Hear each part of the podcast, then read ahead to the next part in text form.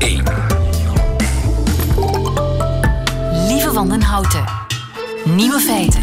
Dag, dit is de podcast van Nieuwe Feiten van maandag 24 september. In het nieuws vandaag het Griekse eiland Skiathos, dat kwaad is op ABBA, of althans op de ABBA-fans. Lararia Beach, het kiezelstrand op Skiathos, is een van de decors van de nieuwe Mamma Mia-film. En zo zijn de mensen dan. Iedereen wil naar dat strand. En iedereen neemt zo'n mooie gladde marmeren kiezelsteen mee naar huis. Gevolg, de keien raken stilaan op. En maatregelen moeten getroffen worden. Op de lokale cruiseschepen hangen waarschuwingen. Neem foto's, geen stenen. En wie betrapt wordt op het meenemen van stenen riskeert een boete tot 1000 euro.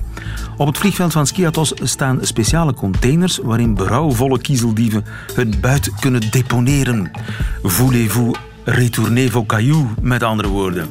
Straks meer over deze nieuwe feiten. De Afrikaanse varkenspest in Luxemburg. Mogelijk het gevolg van ingeblikte jacht. Je stoel in de aula bepaalt punten. Seropositieven kunnen veilig vrijen zonder condoom. En wie echt modebewust voor de dag wil komen, die draagt tegenwoordig een koersbroek.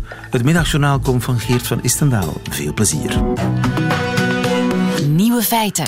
Grote kans dat die Afrikaanse varkenspest in ons land dat die bij ons is geraakt via ingeblikte jacht. Sil Jansen, goedemiddag. Goedemiddag. Tja, het is een ramp, hè? die uh, varkenspest in de provincie Luxemburg. Daar moeten nu alle varkens euthanasie plegen, preventief. In een zone van meer dan 60.000 hectare is uh, weliswaar nog geen enkel boerderijdier getroffen, maar er zijn wel al in de bossen een dertiental kadavers van uh, wilde everzwijnen gevonden die gestorven zijn aan de Afrikaanse varkenspest. Ja. En dus ook al die everzwijnen in het gebied moeten dood. Het is een ware massaslachting. Ja, het is een heel, heel erg gevaarlijk virus en... Uh ja, de landbouwsector is er uh, heel erg bang voor. Um, we raken onze, de varkens die we kweken raken we niet meer kwijt. Um, nu ja, hoe komt dat virus daar? Het zat al heel lang in, uh, in Oost-Europa. En uh, ja, de officiële versie is dat er ergens een of andere vrachtwagenchauffeur een besmette worst tussen zijn broodje gelegd heeft, met zijn vrachtwagen helemaal naar de Ardennen gereden is, dan toch die worst niet zo lekker vond, buiten gegooid heeft en de zwijnen hebben die opgegeten. Ja, die kans is natuurlijk super, super, super klein. Ja, dat is de slechte saucistheorie en u gelooft daar niet in. Ik geloof er geen fluit van. Ten meer als je ziet hoeveel mensen uit de jagerij die heel frequent naar uh, Oost-Europa reizen, daar gaan jagen, daar echt in die, in die gebieden zitten, in aanraking komen met everzwijnen. En één spatje bloed is voldoende. En heel veel van die mensen zitten het weekend nadien in de Ardennen, in de bossen, okay. om datzelfde te doen. Dus ja, die kans is toch wel verschrikkelijk groot dat die besmetting zo tot bij ons geraakt is. En er is ook nog een nieuwe theorie, dat is de theorie van de ingeblikte jacht. Ingeblikte jacht, wat is dat eigenlijk? Ja, het is, uh, het is uh, publiek geheim, maar heel veel mensen weten dat de jagers echt everzwijnen in Oost-Europa halen om hier vrij te laten. Niet elke jager doet dat, godzijdank, maar zo, er zijn wel een paar van die um, kapitaalkrachtige mensen die echt everzwijnen gaan kopen ginder, omdat die groter, krachtiger uh, zijn. Die laten die hier los. En die gaan er dan op schieten. Ja, dat is zo'n schietkraam, gelijk ze ook met de fazanten doen. Zo gebeurt dat ook met de zwijnen. En het is natuurlijk niet denkbeeldig dat ook via die weg die besmetting tot bij ons geraakt. En dat zijn wilde dieren die in uh, Oost-Europa gevangen worden en hier uitgezet? Ja, dat zijn, ja, dat zijn halfwilde die ginder gekweekt worden. Hè. Ah. Ze gaan niet echt in de natuur uh, om die te vangen, maar dat zijn kwekerijen. Um, en dus dat zijn eigenlijk tamme dieren. Tamme dieren die ja, gewoon... Uh, ja. rustig ja, ja, daar zitten, wachten tot ze afgeknald worden eigenlijk. Ja, die worden vrijgelaten. Die zijn niet echt, uh, echt tam-tam. Die zitten geen ook in, in, in omheinde terreinen. Maar die kunnen niet weg natuurlijk. Die zijn niet, uh, niet echt handtam uiteraard. Die gaan wel wat rondlopen, maar ja, die hebben niet het instinct van, uh, van een echt wild dier dat in de vrije natuur geboren is. En dat zijn hele rijke mensen die graag heel veel dieren schieten om met een enorm ego s'avonds voor het haardvuur te komen ja opscheppen bij de whisky. Ja, die willen er zeker van zijn als hun jachtvrienden komen dat er behoorlijk wat geschoten wordt, dat dat ook kwaliteitsvol grote dieren zijn. En ja, die worden dan even voor de jacht begint, worden die vrijgelaten. En dan kan je natuurlijk flink schieten. Ja, dus ochtends worden een hele bende zwijnen losgelaten die onmiddellijk worden afgeknald. Ja, ja, ja, dat is gebeurd. En Ja. weten die zogezegde jagers dat ze eigenlijk halftamme dieren afknallen? Eh, ja, maar dat maakt niet uit. Dat weten ze Ja. ook als ze die fazanten lossen. Dat is hetzelfde, hè. Die, eh, Ja. ja. die halftamme beesten. Dat, eh, Nu, dat gebeurt in Afrika op grote schaal. Hè. Dat is al langer bekend dat daar rijke Amerikaanse tandartsen leeuwen gaan schieten. ja. Eh, maar dus het, het gebeurt ook bij ons en dat beweert ook deze anonieme getuige op de RTBF. Je vous assure que ça existe. Ils ne viennent pas de Pologne parce que les chasseurs belges sont assez malins que pour ne pas acheter des sangliers euh, qui risquent d'avoir la peste porcine africaine venant des pays de l'Est, mais ça vient de France et d'Espagne, ça je suis formel, et ça dure depuis plusieurs années. Deze man beweert dat die eh, everzwijnen uit, uit Frankrijk en Spanje komen. Ja, er worden er ook van Oost-Europa eerst naar Frankrijk gebracht om verder groot te kweken, om verder eh, bij te voederen en pas dan naar ons komen. Ja, hoe de trafieken juist lopen is mij ook niet altijd, eh, altijd heel bekend. Eh, maar ja, het is algemeen, van niet algemeen geweten, maar insiders weten heel zeker dat dit gebeurt. Ja, ja. En is dit legaal? Nee, nee, illegaal. Eh, ik neem aan dat dat legaal wel kan om dieren in te voeren, maar niet om op deze manier vrij te laten. Je mag dat wild niet uitzetten en zo verder. En eh, ja, dit gebeurt dus illegaal. Vandaar ook dat alle, alle ja, veterinaire controles en zo, ja, die zijn er gewoon niet. En hoe zeker ben jij dat er een verband is tussen die ingeblikte jacht en de komst van de Afrikaanse varkenspest? Eh, of het via die ingeblikte jacht gebeurt, of gewoon via de jagers die met hun treinwagens, hun honden en hun laarzen in, eh, in Oost-Europa lopen en dan naar hier komen. Eh, ik, eh, ja, ik laat je zelf de kansberekening. eh, hoe groot is de kans als er honderden mensen heen en weer gaan? eh, of er komt iemand met een besmette worst? Ja, die worst kan ook natuurlijk, maar de kans is vele, vele malen kleiner. Maar moet er nu actie worden ondernomen? Moeten die, die jagers beter worden opgevolgd? Er is absoluut geen controle op. Hè.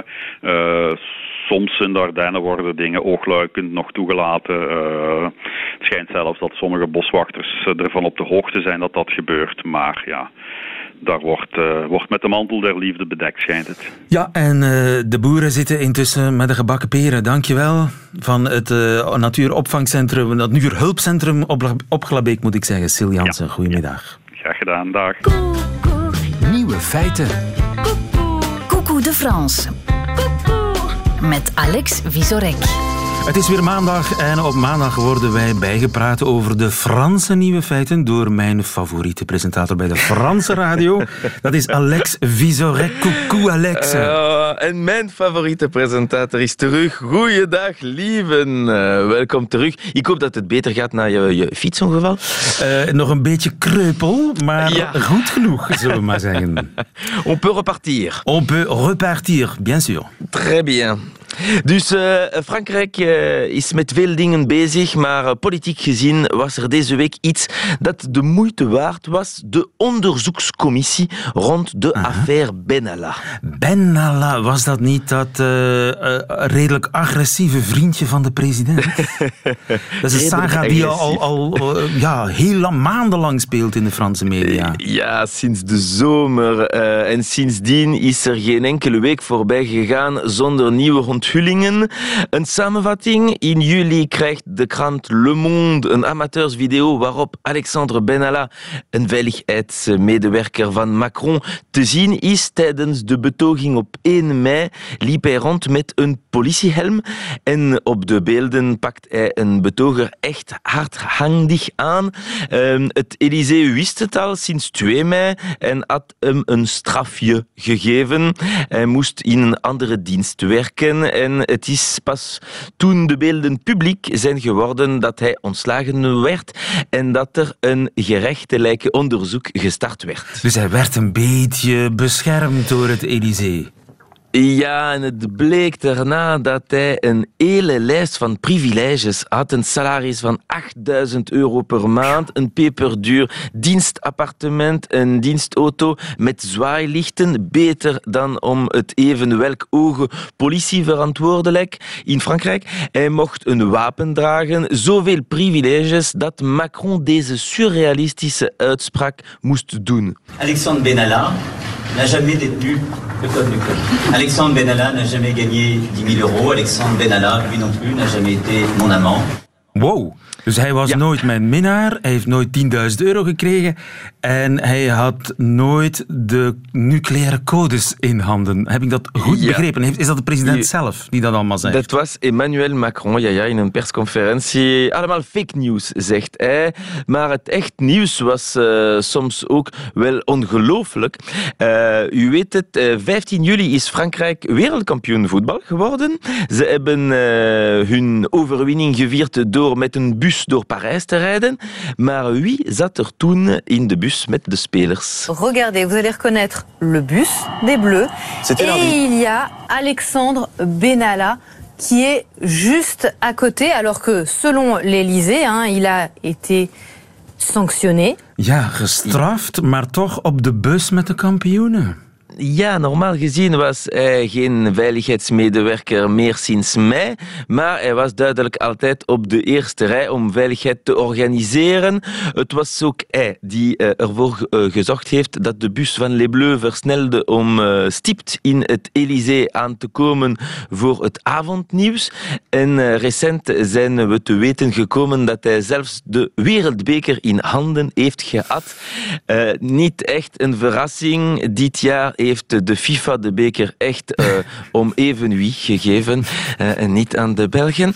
En uh, dus Benalla is van Arabisch oorsprong. Hij verdiende superveel geld en gaf kopstoten. Dit is evenveel waard als Zinedine Zidane. Ja, maar nu is er dus die onderzoekscommissie rond deze zaak. Ja, uh, met veel vragen. Wie is hij? Waarom zoveel privileges? Dus moest Benalla deze week verhoord worden. Uh, maar hij zag het niet zitten. En dat maakte hij in de media duidelijk door de voorzitter van de commissie te beledigen. Hij noemde hem een petit marquis, een kleine marquise. En uh, hij was van plan niet te komen op dagen. Maar dan is hij te weten gekomen dat het eigenlijk strafbaar was. Dus is hij toch en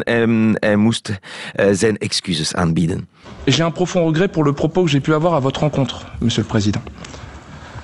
Parce que, en, quelles que soient les circonstances, quelle que soit la pression, on ne s'en prend pas aux hommes. On ne s'en prend pas aux hommes, je kunt mannen niet aanvallen. Dat bleek niet te denken op de videobeelden die de krant Le Monde had ontvangen. En de commissie probeerde ook te weten te komen wat zijn functie eigenlijk waren. Je regrette de vous dire, je n'étais pas le garde du corps d'Emmanuel Macron.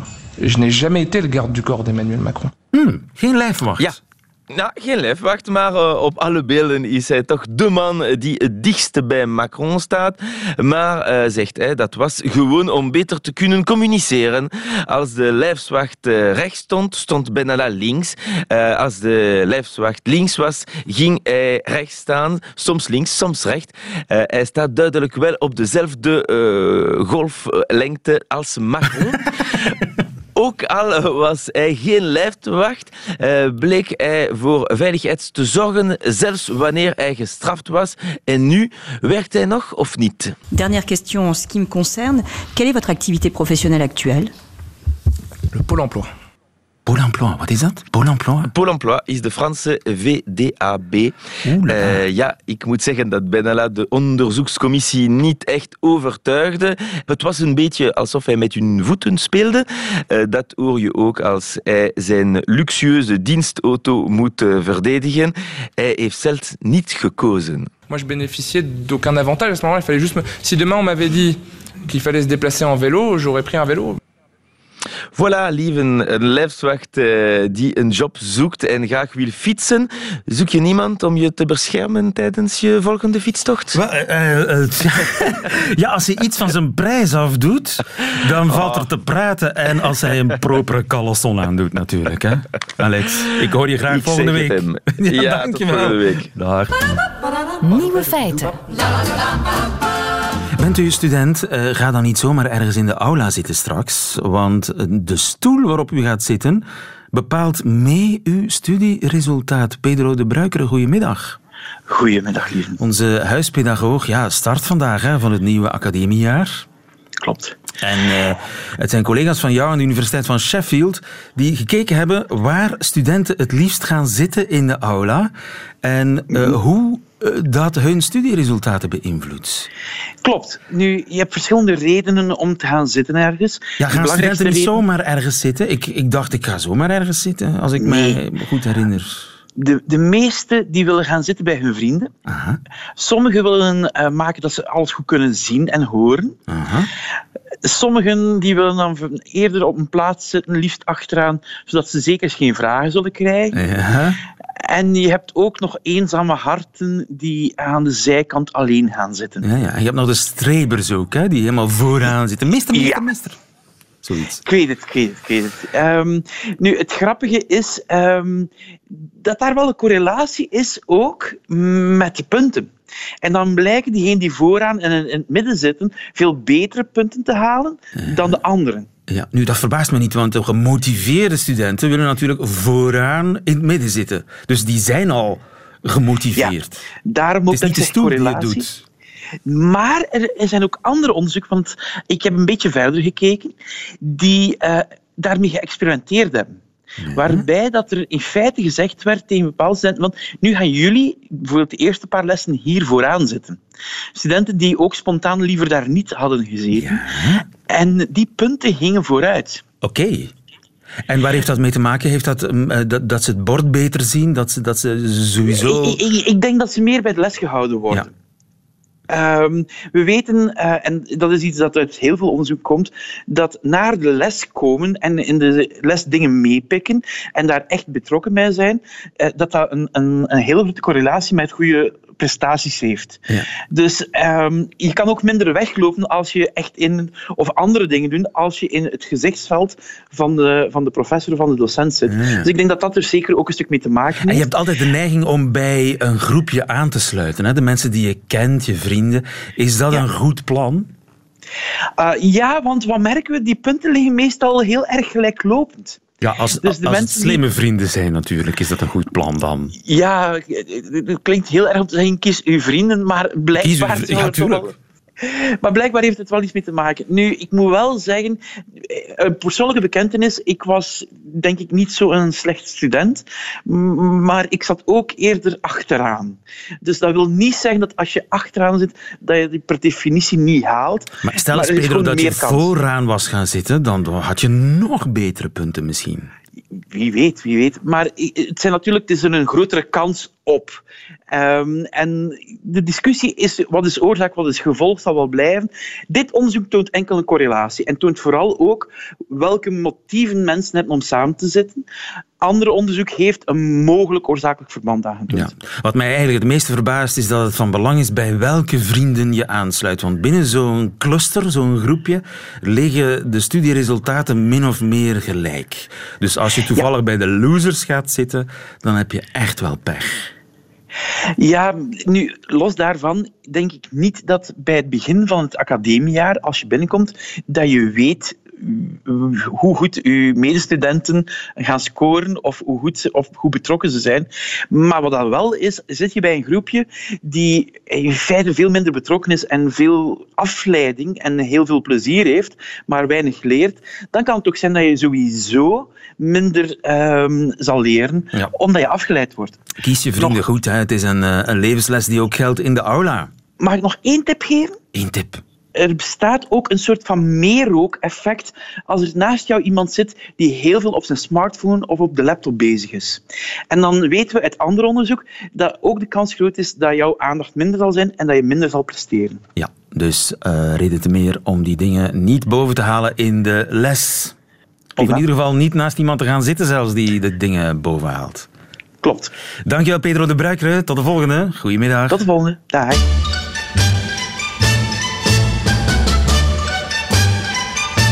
Feiten. Als ik eens een bom mag laten vallen. Deze vaststelling. Seropositieve mensen die kunnen veilig vrijen zonder condoom. Linos, goedemiddag. Goedemiddag. Linos van de Kerkhoven, jij bent hoofdonderzoeker bij het AIDS-referentiecentrum van het UZ in Gent. Absoluut.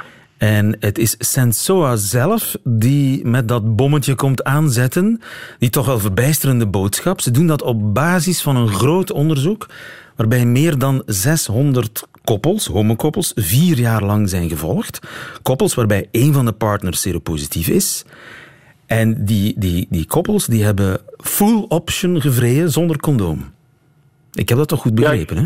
Ja, ja absoluut. Ik zou het zelfs breder durven zeggen. Hè. Dus de studie die nu, waar, waarop men zich nu baseert, is eigenlijk een opvolgstudie waarbij dus in twee, vanaf 2010 tot 2014 heeft men, koppel, heeft men koppels gaan volgen, homoseksuelen en heteroseksuelen samen. Uh, en gaan kijken wanneer dus in dat koppel persoon A seropositief is en persoon B seronegatief is, wat is dan de kans op besmetting? Ja. En na vier jaar kwam men tot het besluit dat binnen de heteroseksuele context de kans op besmetting nul was. En bij de homoseksuele context had men daar onvoldoende gegevens om dat besluit te trekken. Dan heeft men die populatie uitgebreid en heeft men dus nu, vier jaar later, in 2018, gerapporteerd daarover, zijn er eigenlijk bijna duizend koppels die men gevolgd heeft die nagenoeg wekelijks onbeschermde seks hadden. En daar is er geen enkele overdracht binnen het koppel gebeurd van persoon A naar persoon B. Dus van heterokoppels wisten we het al en nu weten we het ook van homokoppels. Ja, dat is de boodschap. Maar dat staat toch haaks op alle safe seksadviezen van de voorbije 30 jaar? Wel, er is natuurlijk heel veel gebeurd. Ehm, de, de, de is, is op, op, de proppen gekomen begin de jaren 80. Dan was er geen behandeling. Mensen met een zeer hoge hoeveelheid virus die zijn zeer besmettelijk, ook vandaag nog. En ehm, het, het, grote verschil natuurlijk is dus dat mensen die onder een goede behandeling staan, dat daar de hoeveelheid restvirus extreem, extreem klein. Extreem laag om terug te vinden ook. Wat ervoor zorgt dat die personen ook niet besmettelijk zijn naar anderen toe. Dus de pillen die ehm, seropositieve slikken zijn zo goed dat eigenlijk het virus uit het bloed verdwijnt en dat ze het dus ook niet meer kunnen overdragen. Ja, zo is dat. Zo simpel is en het. Het enige grote probleem blijft dus dat dat virus zich blijft ergens schuilhouden en dat wanneer we dat die mensen stoppen met therapie, dan duikt het virus terug op. Maar zo, zolang men therapie, de pillen goed neemt, dan zijn die personen eigenlijk. Wij beschouwen ze ook meer en meer als iemand die gelijk staat als een seronegatieve persoon. Hè. Dus ze hebben een normale levensverwachting. Ze hebben ook recht op organen wanneer dat de nieren beginnen te falen, hart en zo. Omdat die personen eigenlijk, als ze goed de medicatie nemen, te het HIV-virus is zo goed onderdrukt dat, er, uh, dat ze, ze kunnen hun job perfect uitoefenen, ze kunnen uh, een normaal leven leiden en ze kunnen dus ook seks hebben met iemand die seronegatief is, zonder dat ze die gaan besmetten. En dat is vandaag de dag wel een heel belangrijke boodschap. Ja, het zijn dus eigenlijk de mensen die niet weten dat ze seropositief zijn, die het virus verspreiden.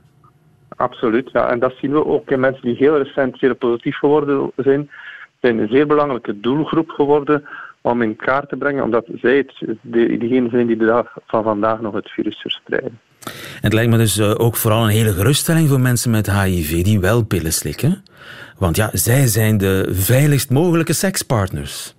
Zij zijn, als er iemand is waarmee je onbeschermd seks kunt hebben, dan is het wel een seropositieve. Die goed zijn medicatie neemt voor wat betreft... daarvan weet je het zeker dat die, dat die ja, niet besmettelijk is.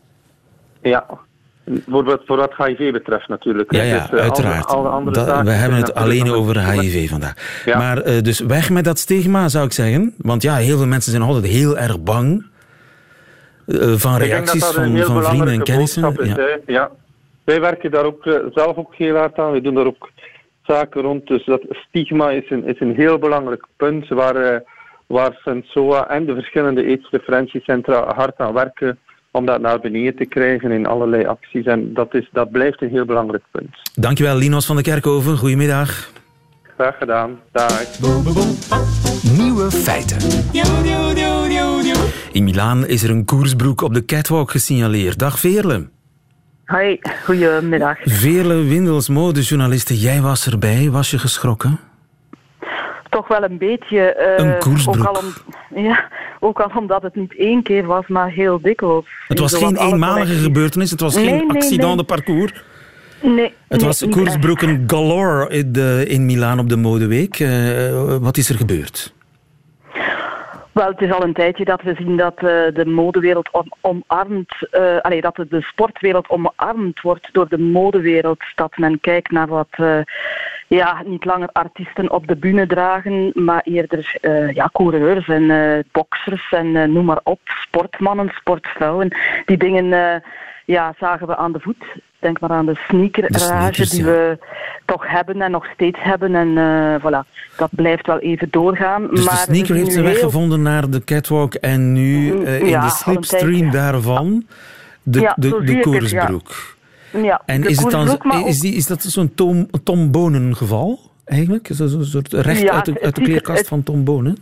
Het ziet er wel heel mooi uit hoor. Er zijn uh, zeg maar exemplaren die meteen doen denken aan wat we op zondagmiddag zo langs de voordeur zien passeren. Maar uh, er zijn ook heel mooie exemplaren die bepareld zijn, die in uh, hippe kleuren komen. meestal ook zonder logo. Dus het is niet dat dat, dat lijkt op, op, wat we, op wat we zelf gaan dragen als we gaan spinnen of zo. Of zelf op de fiets gaan klimmen. Het zijn heel mooie exemplaren. En wat vooral opvalt is de combinatie. Want je hebt dan dat heel ja, sportieve uh, ding, hè, uh, koersbroekje zeg maar. Want de, de Nederlanders uh, vielen achterover toen ik het woord gebruikte. Mijn Nederlandse collega's, zij kennen dat woord namelijk niet. Koersbroek, maar, maar, ik zet het op de ja, lijst voor Sander, voor de woordenlijst ja, voor vrijdag. vraag het, vraag het hem eens.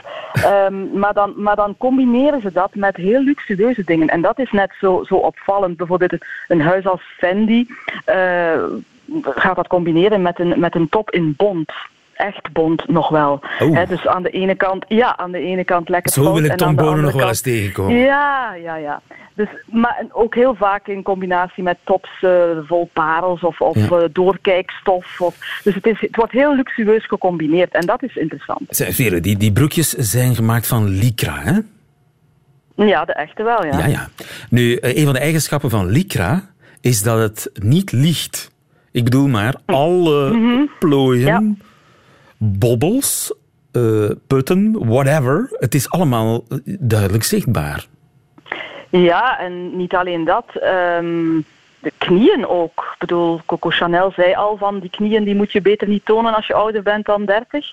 Maar uh, zelfs die meisjes op de catwalk uh, die hebben heel vaak heel knokige knieën. En ja, lekker elegant loopt dat toch niet hoor. Um, zo had ik toch de indruk. Het is wel, het, het getuigt van die van die youthquake in de mode momenteel. Hè. We weten met z'n allen dat uh, de, de, de grootverdieners, dat zijn eigenlijk de, de 60-plussers, zeg maar. Die hebben tijd, die hebben, die hebben centen. En niemand even, die daar kleren Gaan we die straks in koersbroek zien? Ja, weet ik, weet ik veel of die dat nog gaan aandoen, maar uh, men zet in op de jeugd, dat wil ik zeggen. Men, de, de mode kijkt naar de jeugd. Waar, waar heeft de, de, jeugd zin in? Wat is de jeugd aan het doen? En dan heb ik het over millennials, maar ook oudere generaties, twintigers, dertigers. Ja, men, daar kijkt men naar. En die mensen zijn wel meer dan ooit met sport bezig. Ja, ja. Ook vijftigers en zestigers zijn meer met, met sport bezig. Die sport is een nieuwe luxe, zeg maar. Uh, luxe heeft al lang niet meer met centen te maken, die nieuwe Rolls Royce of wat dan ook. Nee, luxe heeft te maken met tijd, met welzijn, well-being en, en ja, dat, die gezonde geest in dat gezond lichaam. En sport hoort daarbij en dus omarmt de modewereld dat. Ja, de mode We nemen dat een beetje. Hangt ja. haar karretje daaraan vast uh, Ja. in, de poging, in een poging om mee te zijn, in een poging ook om de jeugd uh, mee te krijgen, in een poging tot youthquake, zoals je dat zo mooi uh, zegt. En dus gaan we die koersbroeken in het straatbeeld gaan zien, denk je dat? Volgende zomer? Ik denk, dat jonge, ik denk dat jonge meisjes dat zeker gaan uitproberen, ja. En ik hoop van harte dat heel veel andere mensen dat niet doen. ja, ja, maar dan hebben we het nu over het, het vrouwelijke volksdeel en het mannelijke volksdeel. Ja, ja, ja, kan ook. Hè? Dat kan is ook. een ander verhaal. Alleen voor de durvers. Want Lycra doesn't lie, zoals uh, gezegd. Dankjewel, Veerle Windels. En heb je zelf al een broekje besteld? No way. No way? nee. Gaat niet lukken. Uh, uh, uh, eerst, eerst een fitnessabonnementje nemen, Veerle. En dan, zo, dan heb toch ik nog al, eens proberen. Harder proberen. Dankjewel, Veerle. En tot de volgende. Ciao. Hou je goed. Wat zouden de nieuwe feiten zijn van schrijver Geert van Istendaal? Dit is zijn middagjournaal. Nieuwe feiten. Middagjournaal. 24 september. Vorige week afscheid genomen van het Kunstenfestival des Arts. Meer dan 20 jaar heb ik in de raad van bestuur gezeten, waarvan een jaar of 15 als voorzitter. Nederlandstalig, kijk uit. Naast mij zat altijd mijn Franstalige evenknie. Toen Frielijzen ermee begon, wilden ze die tweetaligheid, absoluut. En dat was destijds allesbehalve gangbaar, zelfs in Brussel, waar de taalgrens vaak dwars door de mensen heen loopt. Men sprak zelfs van schandaal. We kregen woede van Franstalige en Vlaamse politici over ons heen. Maar Frielijzen en haar Franstalige, zeer tweetalige opvolger en allen die hen steunden, gaven geen krimp. Ik heb nooit of te nimmer één taalprobleem meegemaakt in de Raad van Bestuur. Centen, personeel, organisatie, daarover spraken wij en zo hoort het ook. Er is natuurlijk veel meer. Altijd is het uitgangspunt van het hele gebeuren gebleven l'umana fragilità, de broosheid van de mens. Altijd kregen de kunstenaars de volle aandacht. Altijd heeft het festival geprobeerd onze Europese zelfgenoegzaamheid onderuit te halen. Van binnenin, denk aan Martaler of Castellucci, en zeker van buitenaf. Theater uit Iran en Argentinië, dans uit Indonesië en Brazilië, opera uit Zuid-Afrika. Het festival liet de hoofdstad van Europa zien hoe wijd en wijs en prachtig de wereld wel is. En zal dat laten zien, daar twijfel ik geen seconde aan. Kijk eens, ik ben een oude meneer. Mijn opvolgster is een stevige, verstandige vrouw die, wat leeftijd betreft, makkelijk mijn dochter zou kunnen zijn. Zij kent Brussel door en door, ook de onvermoede en niet zo geliefde hoeken en kanten.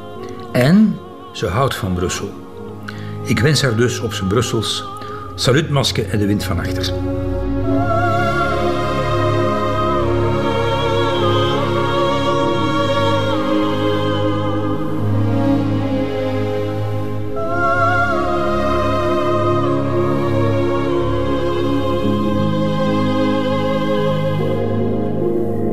Zover deze podcast van Nieuwe Feiten. U vindt er nog veel meer op radio1.be en op alle gebruikelijke podcastkanalen. Tot de volgende.